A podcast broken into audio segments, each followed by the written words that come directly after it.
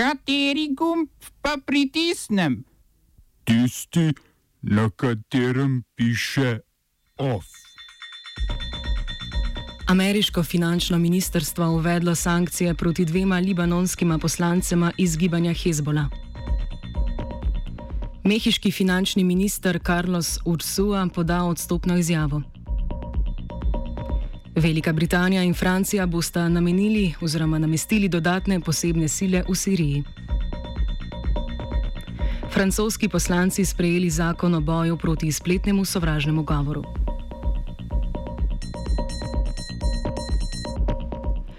Ameriško finančno ministrstvo je uvedlo sankcije proti dvema libanonskima poslancema, članoma gibanja Hezbola, ker naj bi to domnevno podpiralo teroristične dejavnosti. Sankcije, ki predvidevajo prepoved potovanj in poslovanja, veljajo za vodjo poslanske skupine Hezbola Mohameda Hasana Rada in poslanca Amina Šerija. Ukrepanje ameriškega ministrstva za finance ameriškim državljanom prepoveduje, da bi poslovali z, z omenjenima posameznikoma. Za libanonska poslanca pa veljajo sankcije, ki blokirajo vsa sredstva, ki jih imata v Združenih državah. Prav tako omejuje njun dostop do finančnega sistema ZDA. Finančno ministrstvo ZDA sankcije utemeljuje s tem, da naj bi Hezbola izkoriščal svoje politične operativce v Libanonu za pridobivanje finančne in varnostne podpore strani državnih ustanov.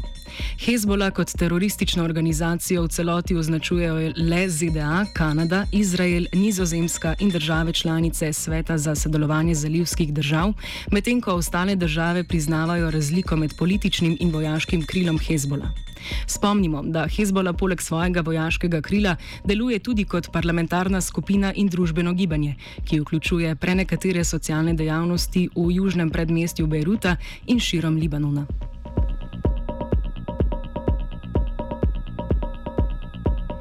V Papui in Novi Gvineji že več dni potekajo boji med tamkajšnjimi plemeni, ki so doslej zahtevali najmanj 24 smrtnih žrtev, med njimi več žensk in otrok.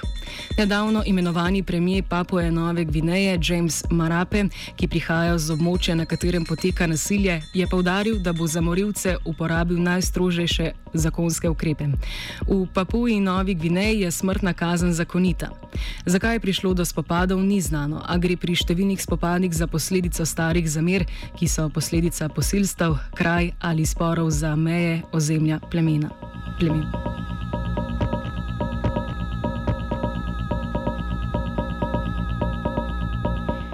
Mehiški finančni minister Carlos Ursua je podal odstopno izjavo. Kot razlog je navedel na vzkrižje interesov v administraciji mehiškega predsednika Andresa Manuela Lopeza Obradorja. Ursua je bil kritičen tudi do Obradorjeve politike zaposlovanja. V odstopnem pismu je predsednik Obradorju očital, da je glavni krivec za konflikt interesov v mehiški vladi. Obrador je za namestnika finančnega ministra imenoval Artura Herrero. Obrador je od začetka mandata decembra lani trdil, da Mehika ne bo povečala svojega dolga. Obljubljal je, da bo njegova administracija uspela plačati za ambiciozne socialne programe s prihranki, ki bi jih pridobili z izkoreninjanjem korupcije. Zaradi pretresov na oblasti je sicer mehiški peso izgubil skoraj 2 odstotka vrednosti. Velika Britanija in Francija bosta namestili dodatne posebne sile v Siriji, da bodo lahko ZDA umaknile svoje kopenske enote iz trenutnega boja proti preostalim silam ISIS.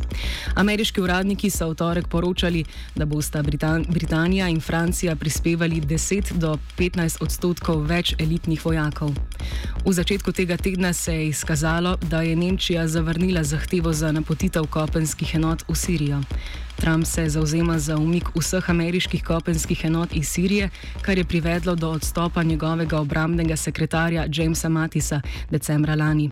Takrat je bilo v Siriji med 2000 in 2500 ameriških vojakov. Prehiter umik bi sicer lahko predstavljal priložnost za ISIS, da se okrepi in prerasporedi.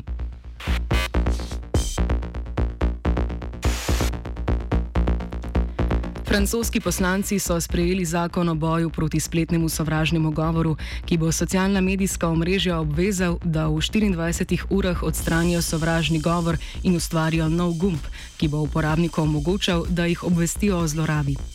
Člani spodnjega doma parlamenta so zakon, ki so ga oblikovali po nemški zakonodaji, ki je začela veljati lani, izglasovali 434 glasovi za in 33 proti.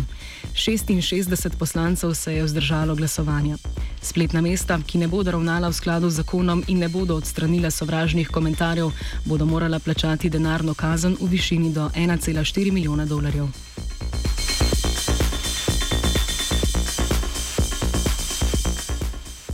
Nizozemsko sodišče je razsodilo proti skupini amsterdamskih prebivalcev, ki so poskušali blokirati gradnjo spomenika holokaustu v njihovem okraju.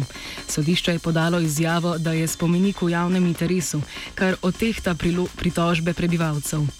Lokalna vlada Amsterdama je izdala gradbeno dovoljenje za projekt že leta 2017, vendar ga je lokalno prebivalstvo ustavilo. Prebivalci so v svoji tožbi trdili, da niso bili vključeni v proces načrtovanja projekta. Povdarili so, da niso proti spominu na holokaust na splošno, ampak proti gradnji spomenika na izbrani lokaciji. Ena glavnih točk spora je bila velikost spomenika in poseg 24 dreves, ki jih bo treba odstraniti iz parka, v katerem bodo zgradili spomenik.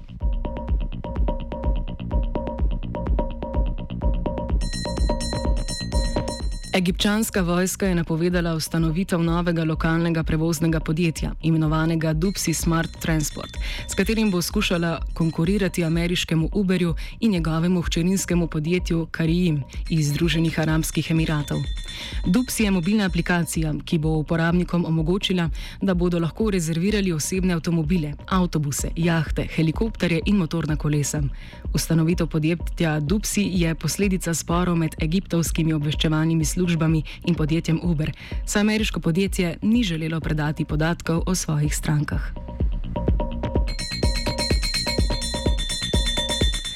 OF je pripravila Rina.